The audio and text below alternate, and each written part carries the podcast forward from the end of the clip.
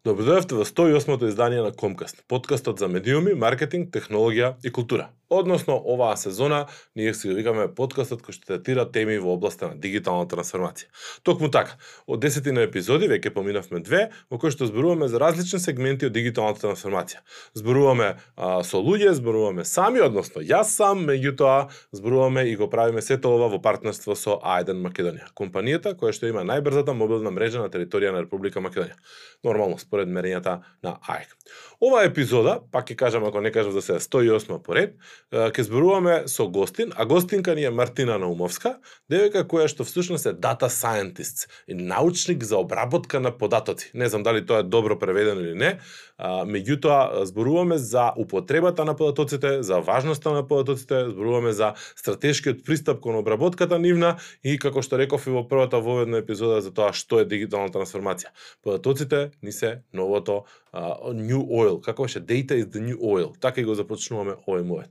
Да не должам премногу, за Мартина може да прочитате на секаде, таа е коосновач на Академијата за Data Masters, која што всушност е дел од компанијата Data Masters, со многу меѓународно искуство и образование, која што е вратена во Македонија и неуморно граби во ова поле. Пред да се префрлиме на муабетот, нормално морам процедурално да кажам. Like, subscribe, follow, listen, кој да копче го гледате околу вас, за да може да ги гледате следните епизоди на комкаст. Може да не следите на комуникација.нет, да се претплатите на нашиот ньюзлетер, во кој што покрај комкастот ќе го добиете и прегледот во петок, нормално, секој петок. Ајде да видиме се.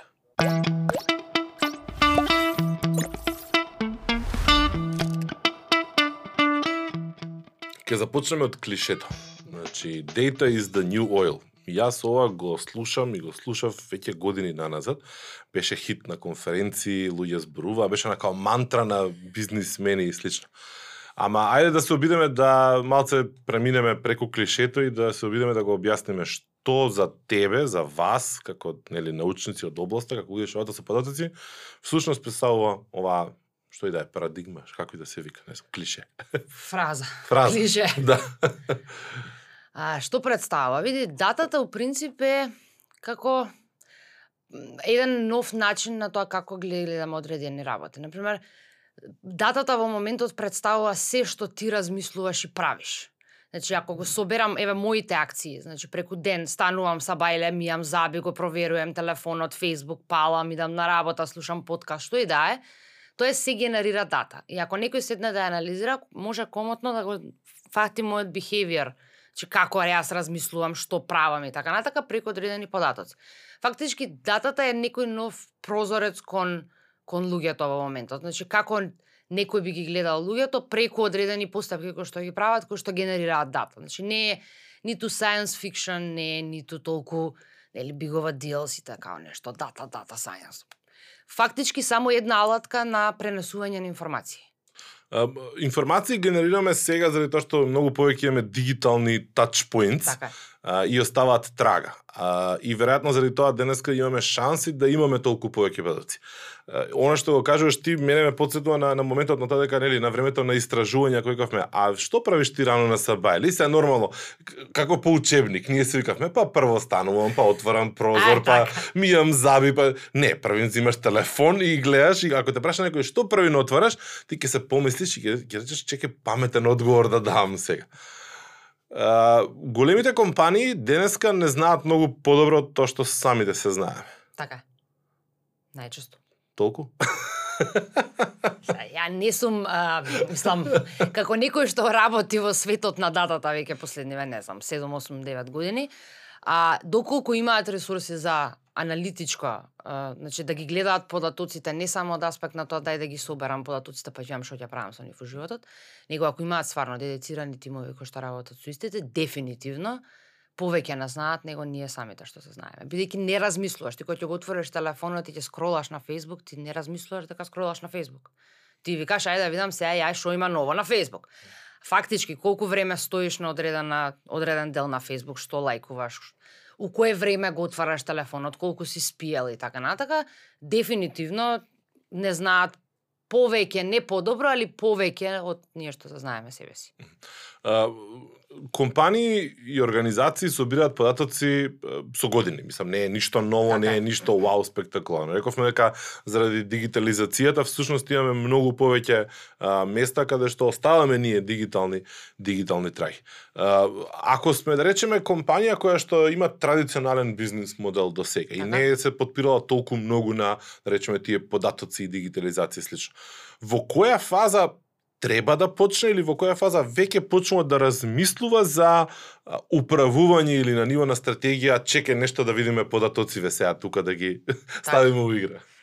А, ова е многу добро прашање. Ја најчесто кога разговарам со клиентите, затоа што они истото го, го прашуваат, ја викам тоа е како почнување на диета. Значи нема кога да почнеш со диета. Со диета почнуваш у моментот кога ќе решиш дека треба да промениш нешто во начинот на живот. Исто и со користење на податоци. Значи доколку се една компанија собира податоци и генерира одреден волумен на податоци, трансформацијата во тоа што Македонија се вика дигитална компанија е, значи се почнува во моментот кога некој поседува одреден број на податоци. Не е важно дали се мал број на податоци или голем, затоа што поставувањето на инфраструктура во одредена компанија, не само техни, технолошка инфраструктура, но и менталната хигиена која што требаат луѓето да ја имаат, за да знаат и да сторираат податоци, да ги чуваат, и да ги обработуваат. И не, не само тоа, него и да ги прочитаат, затоа што ја можам да кажам да искалкулирам одреден индикатор на ревенју, ако некој не знае да го прочита и да што би рекли, рекли американците to act upon it, за џабе податоци, и за џабе целата мака, така да една компанија треба да е спремна не само да ги обработи податоците, ама и да ги користи во секојдневните дон- одлу, донесување на одлуки. А, е сега, Одма, ако е беше зашто беше тоа прашањето. Одма. Значи, во моментот кога ќе помислат дека треба да се дигитализира, значи веќе да имаат собрана податоци. Да, значи по- по можност, ако не барем да имаат стратегија како да соберат податоци, што е исто многу важно. Тоа е првиот чекор во целиот процес. Слушам. Значи ако нема податоци од одредена компанија, треба да се направи цела стратегија на тоа како се собираат податоците. Значи кои се тие платформи, односно од каде се генерираат податоците, колку тие податоци се reliable или не се, доколку не се, како ќе се чистат за да можат да се донесат од првиот стадиум до понатака аналитичкото размислување во компанијата, дали тие податоци ги одговараат прашањата кои што ми се потребни на бизнисот. Значи тоа е многу важен дел. Затоа што ние ако собираме податоци кои што не немаат доперна точка со бизнисот која што работи компанијата, за џабе ги собираме податоците. Тоа од една страна, а од друга страна компаниите не смеат да се плашат, што е случај и тука во нашата држава, кога собираат премногу голем број на податоци. Затоа што тогаш да доаѓа една паника, еве сега што ќе им правам. Ја знаеш ли ти колку тоа податоци, едно море, не знам да се справам и така натака. Така да и ако компанијата се наоѓа во делот на тоа немам податоци како да се справам, има начини, значи се наоѓаат а, платформи, ресурси и така натака кои што се бават со таа дејност. И ако се наоѓаат од другата страна, тоа е имам премногу податоци што да им правам и за тоа има решение, и за тоа се прави план, се прават така наречени дата warehouse, дата лейкови за, за виси што е потребно на компанија и се почнува во процесот на дата driven одредена data driven компанија или заедница така. А, добро, има некои, да речеме, пристапи кои што викаат, не знам што ќе правам со податоците, ама нека ги има. Јас ќе ги собирам, нека ги има, нека се трупаат Така. тука, ефтини се нели складирачките капацитети, нека ги има. Колку е тоа паметно? Колку е тоа решение на на на, на она што понатаму треба да се случи? Тој пристап да речеме во работата. Во принцип податоците нека ги има е окей решение само од една перспектива, а тоа е дека тој дел на како да соберам податоци е веќе завршен. Значи само за тоа е добро. А според мене да чува некои податоци и да не ги искористи во донесување на секојдневни или предиктивни одлуки во една компанија е изгубен потенцијал. Затоа што а, јас можам да донесам одлука врз база на gut feeling, значи врз база на како или искуство и така натака, но кога ќе видам одредена аналитика која што се случувала низ историјата, не мора да биде 5 години назад, него преснета две недели, моето донесување на одлука е многу по е, валидно и многу поиздржано него па јас сега така станав са бајле и си замислив и си помислив и си реков да ја донесам одлука, да ја донесам. Е, Ама Така да- директорот ако сака црвена боја, а податоците викаат дека зелената повеќе реагира. Види, податоците викаат дека зелената реагира. Сега директорот ако сака, ја тука, знаеш. Во принцип, секое искористување, правилното искористување на податоци во една компанија е многу важен дел. И според мене тоа е не може одредена компанија да биде конкурентна на пазаров, поготово затоа што имаме отворен пазар во моментов, значи не е тие пет фирми удржава, па Така. тоа е. А, мислам дека е изгубен потенцијал. Значи не можеш да бидеш конкурентен на пазарот доколку не донесуваш одлуки врз база на податоци во денешно време. Затоа што се се случува толку брзо, толку нема нема компанија толку голем број на ресурси за да сите толку многу мислат, за да донесат толку многу одлуки колку што реално датата може да ти ги даде на тацна. А, во една ваква ситуација, кој внатре во компанијата или надвор од компанијата всушност е одговорен или треба да биде одговорен за да се грижи за тој стратешки пристап на а, собирање, обработка и употреба на на тие податоци. Значи какви се сценаријата со кои што вие сте имате искуство и кој да речеме ако постои или од искуство или од теорија некој најсоодветен модел. Јасно, значи зависи од колку е голема компанијата. Значи зависи колку ако зборуваме на пример за компании како што се банки, во банките се градат едни цели нови сектори кои што се нарекуваат data governance сектори. Значи тоа се луѓе кои што прво и се грижат за тоа што податоци влегуваат во банка, како истите се користат, дали се достапни и до кој по, кој податок во кој департмент е се достапен, зашто не би требало сите све да видат нормално. И со во таа да речам структура на data governance доаѓа дата аналитичари, доаѓа data scientists, machine learning инженери, BI специјалисти и така натака. Значи, но тоа е се во еден како така, обрач на data governance модел кој што се грижи не само за тоа како се собираат податоците, него што и се прави со нив, бидејќи податоците се опасна алатка. Ако некој од не знам, продажба види податоци од маркетинг, тоа може да не е добро за одредените случувања кои што да случат или финанси или дали сите треба да ги гледаат финансиските индикатори од една компанија и така натаму. Значи тоа е за големите компании кои што имаат ресурси да прават нови департменти и така натаму. Помалите компании, значи оние кои што се small to medium companies, во принцип компаниите не се свесни дека во самите нив имаат секогаш еден човек кој што и како знае да работи со податоци. Значи тоа е, ние ги викаме неискористени потенцијали. Значи зашто? Затоа што с- плюс минус секоја компанија има еден дата аналитичар. Ако не дата, не бизнес аналитичар има еден сигурно. Што тоа е тој што зборува со бизнисот, па што сакаш, па како сакаш. Тие се луѓето кои што најдобро можат да објаснат што на компанијата или на клиентот му е потребно од аспект на end goal и можат многу добро да прена, да ја пренесат информацијата на интерниот тим кој што ќе работи со податоци или екстерниот тим, за да се знае која е главната цел на тие податоци. Затоа што обработката на податоци без цел на крај е само изгубено време. Значи, и затоа е многу важно и доколку компаниите решат да работат со екстерни тимови, тоа е многу коректно и многу е окей, но секогаш има еден човек во компанијата која што е бриджот помеѓу бизнис секторот и она која што консултантите или екстерната екстерните дата тимови ќе го работат за да тоа таа цел која што он ќе ја постави како дел од компанијата се биде обработена преку податоци.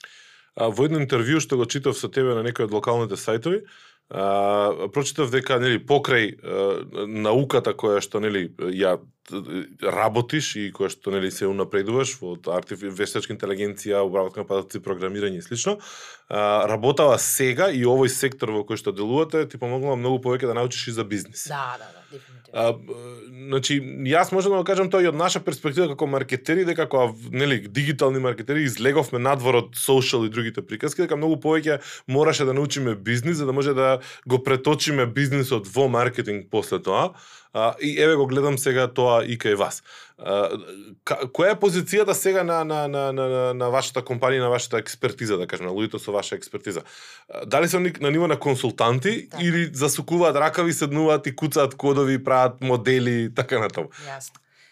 Ние менуваме у принцип целата дефиниција на тоа што е консултант. Значи консултант во очите на повеќето е човек кој што влегува во компанија, седнува со директорите, си прави муавет, пише документација и си оди и си пие кафе. У принцип, ние не, не правиме, ние сме консултанти под една многу различна дефиниција, тоа е дека правиме цела обзервација на една компанија и за тоа е многу важно да го разбереме бизнисот. А, при потоа правиме, скецираме решение како таа компанија може да дојде до посакуваниот резултат и правиме имплементација на истото.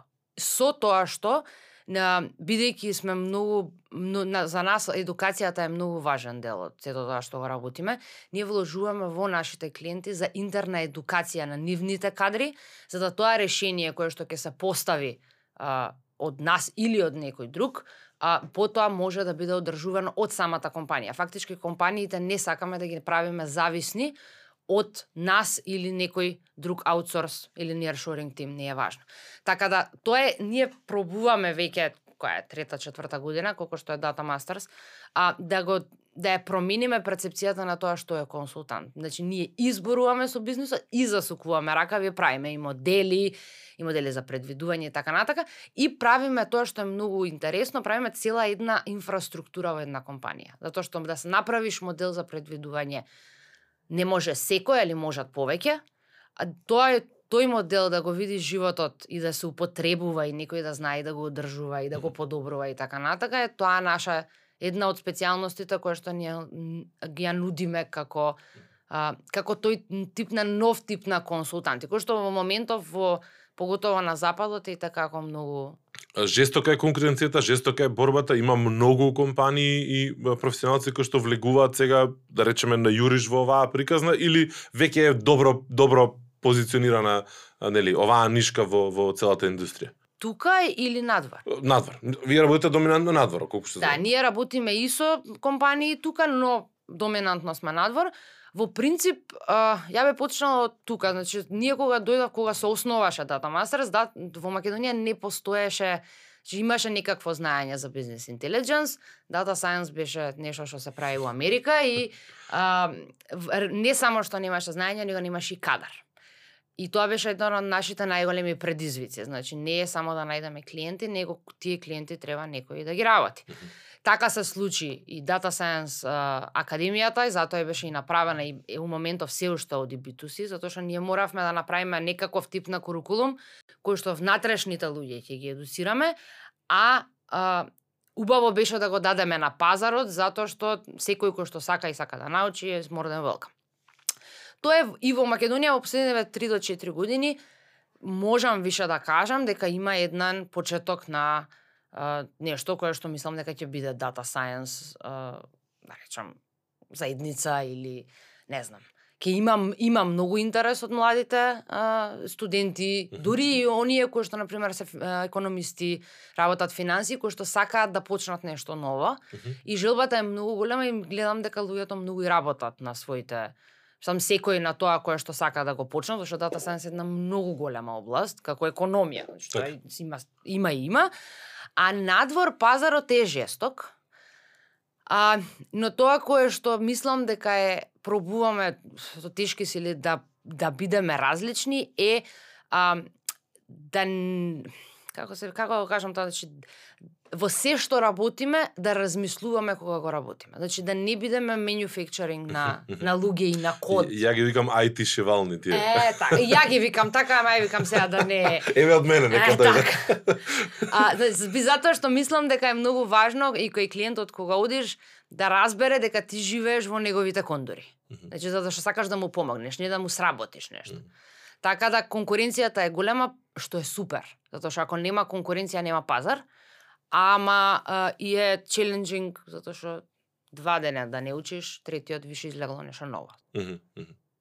А, спомна економисти и знам дека нели луѓето што работат економија и што нели се интересираат почнуваат сериозно да размислуваат у овој дел со анализа, податоци и така натаму.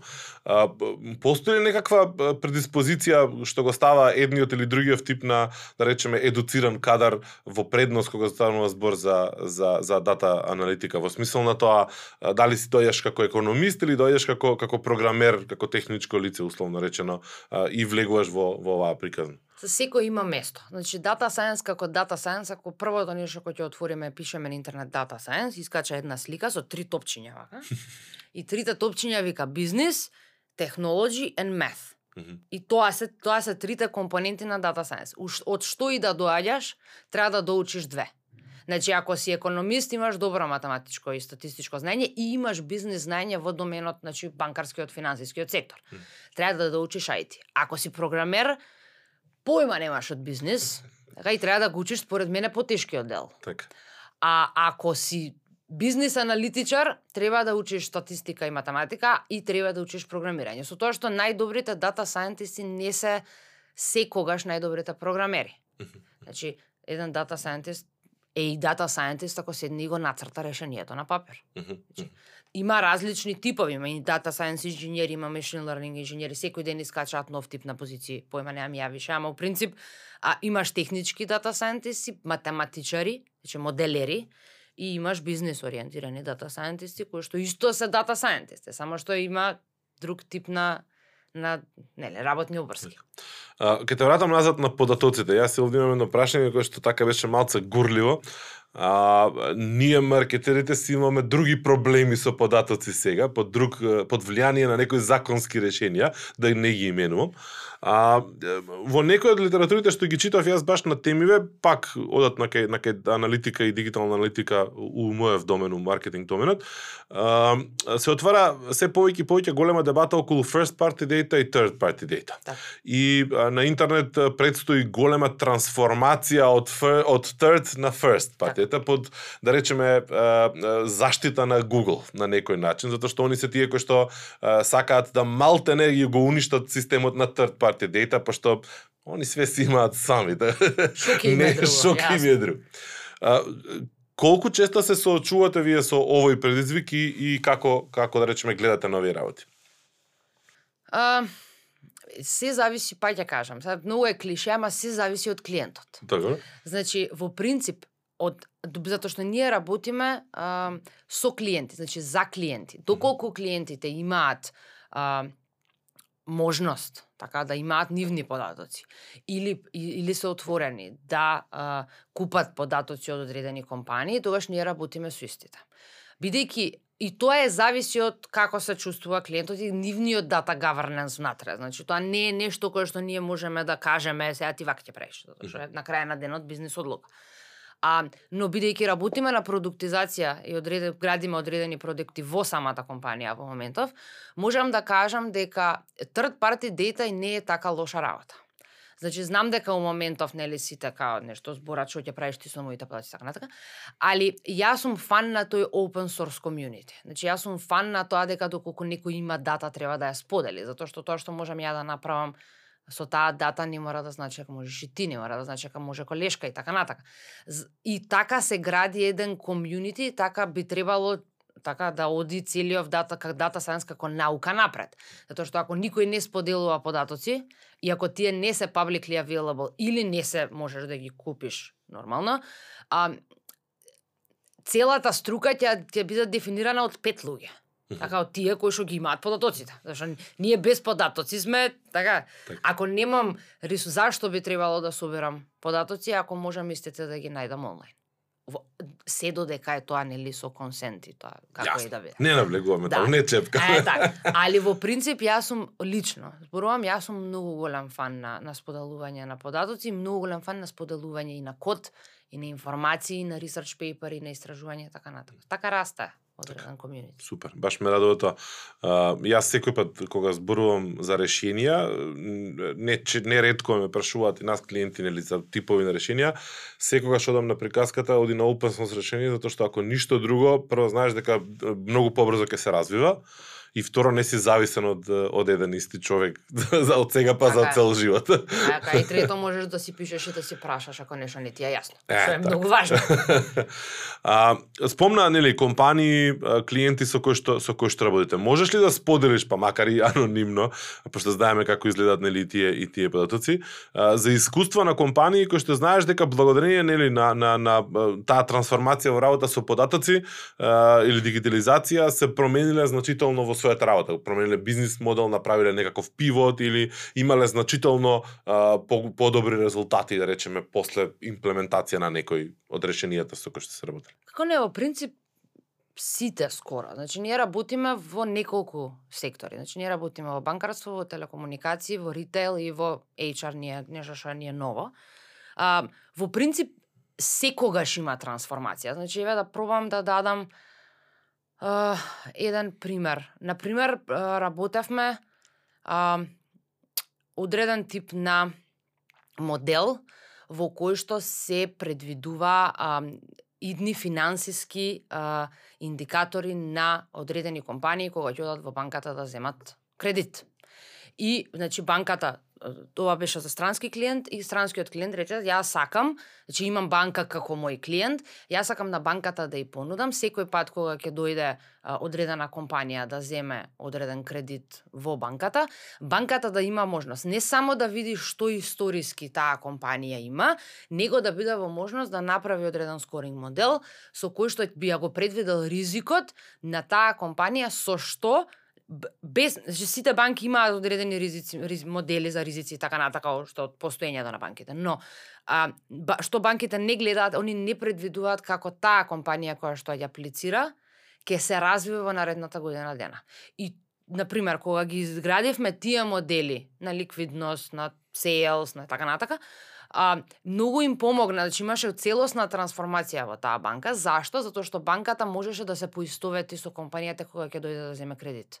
И она можеше да види, аха, добро, значи тебе ја предпоставувам дека идната година може да ти падне продажбата, на пример, така, со одреден процент на веројатност и ако сакам да ти помогнам, значи не на крај све бизнес, затоа што они сакаат да ги запознаат своите клиенти, затоа што беше странски, не беше све дај сега да земам ја поише пари да направам. Не, нормално.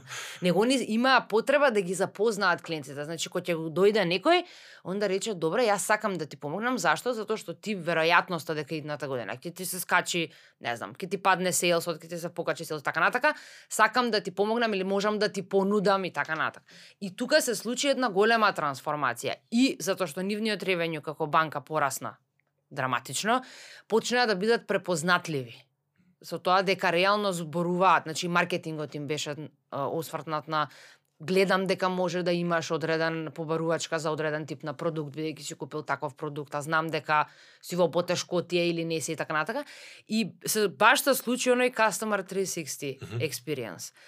И тоа многу придонесе до тоа како прво компанијата се позиционираше на маркетот, а второ каков траст изгради со со нивните клиенти. Така да тоа се тие трансформации кои што еден 1 2 5 10 AI модели со добра поставеност а можат да направат во една компанија.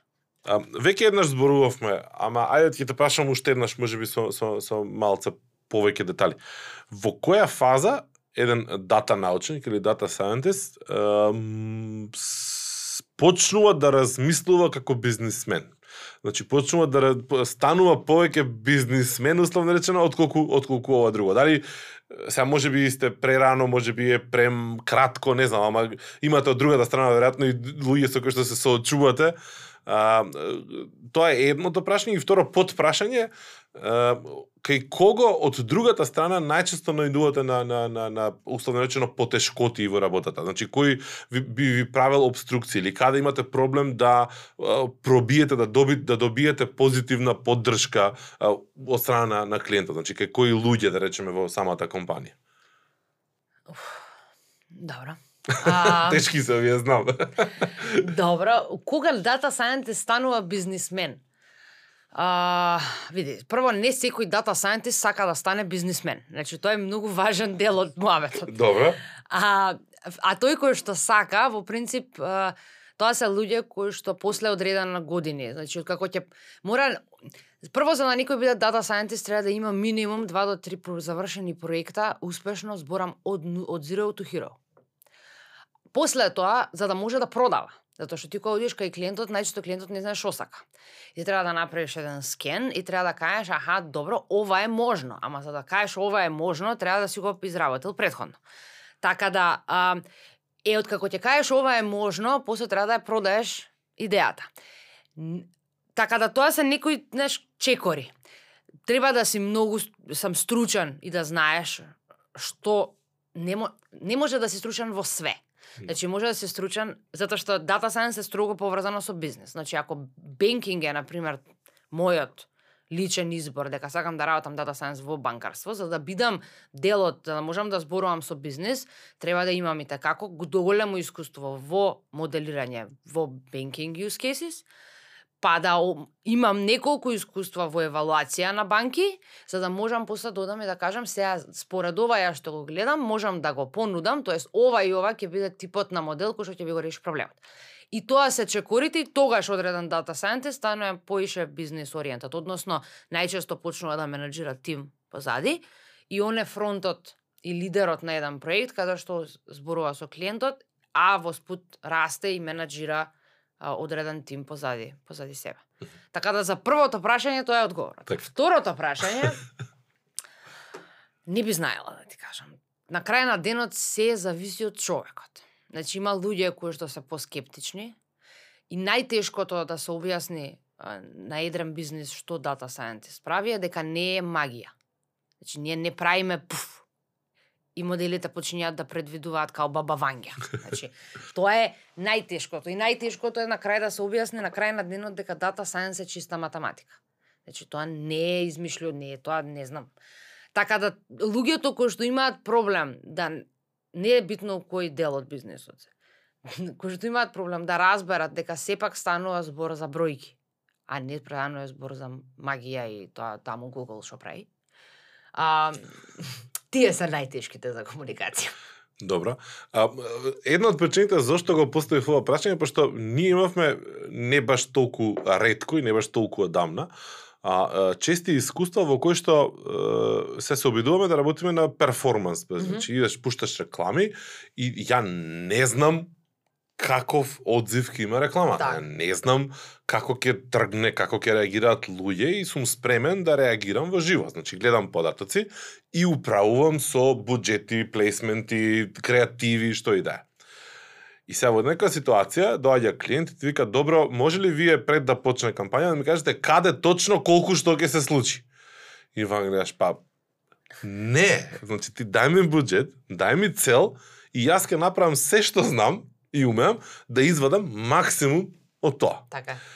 И фала ти што ми го спомна драгиот ни наш, нели, Google, затоа што сега се повеќе и повеќе Google ти вика, не се секирати, само остави ми ги парите, ние све знаеме у позадина, ти кажи ми што сакаш да направиш, ја, ти само дај ми доволно пари, све ќе ти направам. Значи, не се замарај со ништо.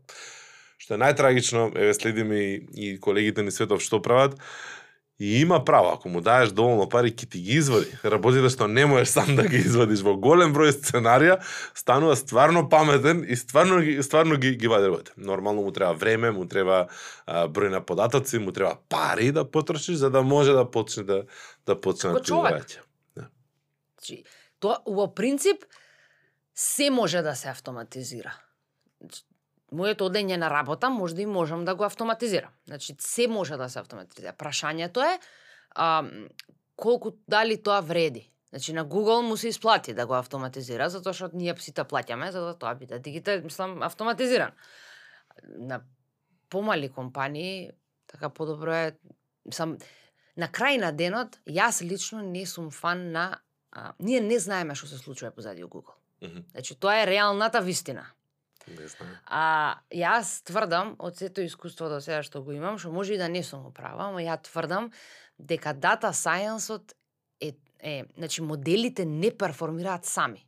Значи они а, он ти дава одреден тип на насока. И ти вика така веројатноста за нешто да се деси или за веројатноста тука ако ги ставиш тука ако се стави буџетот дека ќе добиде дојде до некоја награда, некоја цел. Ама на крај на денот позади тој модел стојат многу луѓе. Значи, што не играат мануелно сигурно, ама статистички го гледаат перформансот на моделот. Така да тоа па не работи само, кој ќе видиш. Значи, па има таму од позади луѓе кои што стотици у Google, кои што и го работат и го следат и го подобруваат и така натака. Така да, во принцип, најголемиот проблем, сам најголемиот да речам misconception на сите бизнеси е тоа дека вештачката интелигенција е сама себе доволна.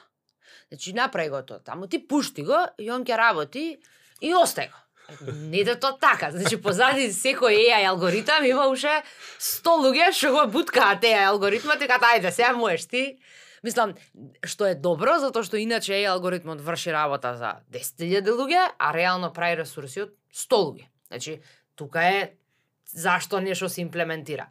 Али во принцип дека тоа така све само работи ја А, а, значи, таа е друга тема која што еднаш ја дискутиравме со Игор од МК во некој од претходните емисии, зборувавме баш за алгоритми за еднината. Мене особено на некој друго ниво лично тие алгоритми ми се обсесија а, и влијанието нивно во општеството. дефинитивно. А, затоа што цело време ние се расфрламе со алгоритми, со чудове, и со вештачка интелигенција, па еднината била таму, па ова, па она, без при тоа да размислиме дека всушност, нели, не е тоа туку така сега кликни копче и, и, и, и бркаме работа.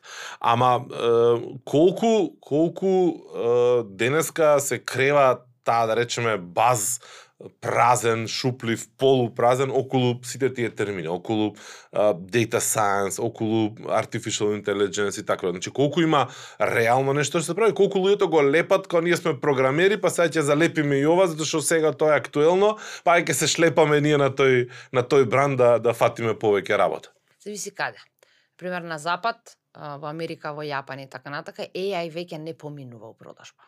Значи тоа е веќе излитана фора, поминуваш од 2017-та, се што беше AI беше скупо и добро и сега веќе затоа што таму е дел од животот. Значи таму не е веќе тоа толку science fiction.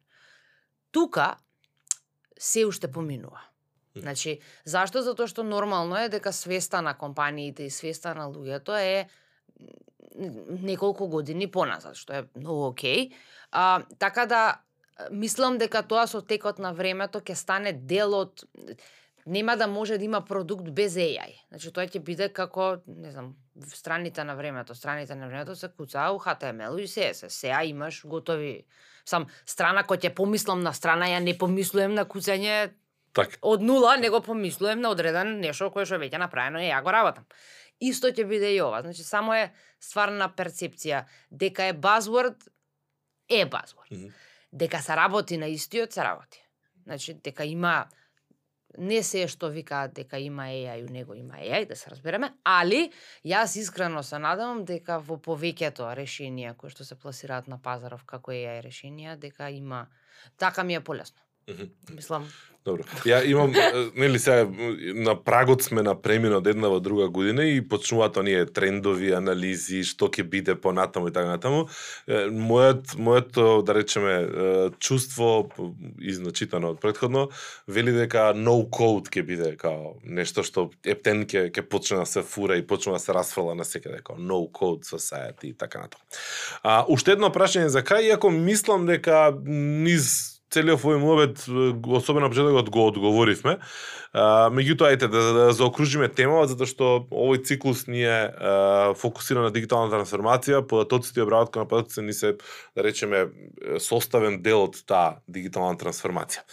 И нормално секој си тегне на својата страна, Мгм. па сега сакам да видам дали вие си тегнете, односно ти си тегнеш на твоја страна. Според тебе, која е улогата на податоците во целокупната дигитална трансформација на а, една компанија? Значи, ајде да, да ставиме на а, најважна, прва, втора, еднакво важна. Значи, како вие гледате на моментот на ако сака една компанија да се трансформира, а, у, позиција на точка 1, 2, 3, 5, каде се податоците? пета најбитно или помалку битно? А, ајде ти дефинирај. А ми се допаѓа. А, ја работам со бројката мајна на вечер, мислам. А, во принцип, според мене, ако не е втора, прва на местото. Затоа што е многу круцијална. А не само од аспект, како што ти кажав на почетокот, значи не само од аспект на тоа дали некоја компанија работи со податоци, него дали некоја компанија донесува одлука врз база на податоци. Ако донесува, според мене она е веќе на, на мислам на долгата стаза на дигитализација, затоа што не може една компанија да е дигитализирана а да донесува одлуки зашто директорот рекол така. Значи тоа не е дигитализирање на компанија. Значи ако пред 10 години дигитализација значеше компаниите да имаат сервер и да имаат компјутер и да има интернет у фирмата. Во моментов, мислам дека компанија која што нема успешен репортинг, која што нема real time репортинг. Зашто ние имаме многу компании што имаат репортинг, ама репортингот касни или репортингот е у Excel а не репортинг. Значи тоа е би Excel бил некогаш тул за така за аналитика и така натаму. Во моментов има и како и фенси и, и секси дашборди кои што и менеджмент и било кој дел од одна компанија донесува одлука врз база на тоа што сака да го гледа. И нема манипулација со податоци, затоа што Excel од едно време кој ќе го преместиш од едниот Excel од другиот Excel, само ти знаеш што се дешава. Прво има губиток на податоци и така натаму. При за мене дигитализација значи флоу на една компанија, како се обработуваат податоците, значи да има governance и флоу на податоци од моментот на собирање до моментот на донесување на одлука и истиота таа компанија да биде способна таа кога ќе донесе одредената компанија одлука, тие податоци да се вратат назад. Затоа што многу е важно и во- во една компанија да имаме и начин на рефлектирање. Значи, ова ми беа податоците. Ја донесов ваква одлука, за поради таа одлука така нешто ми се случи, дај да видам сум донел права одлука, не сум донел права одлука, за да има одреден тип на учење во самата компанија. Тоа е за мене дигитализација. Ус принцип се друго е важно, али да енд гол е бизнес, како беше, data driven decision making. Да. Да, односно да го избегнеме оној моментот на хипо, не знам дали си го чула тоа. Highest person uh, opinion, highest people uh, in company opinion, Аха, нешто добро, рековме. јасно. Не знам точно акронимот како беше да разделено, ама да ме комодов е да се избегне uh, highest position person opinion, нешто така.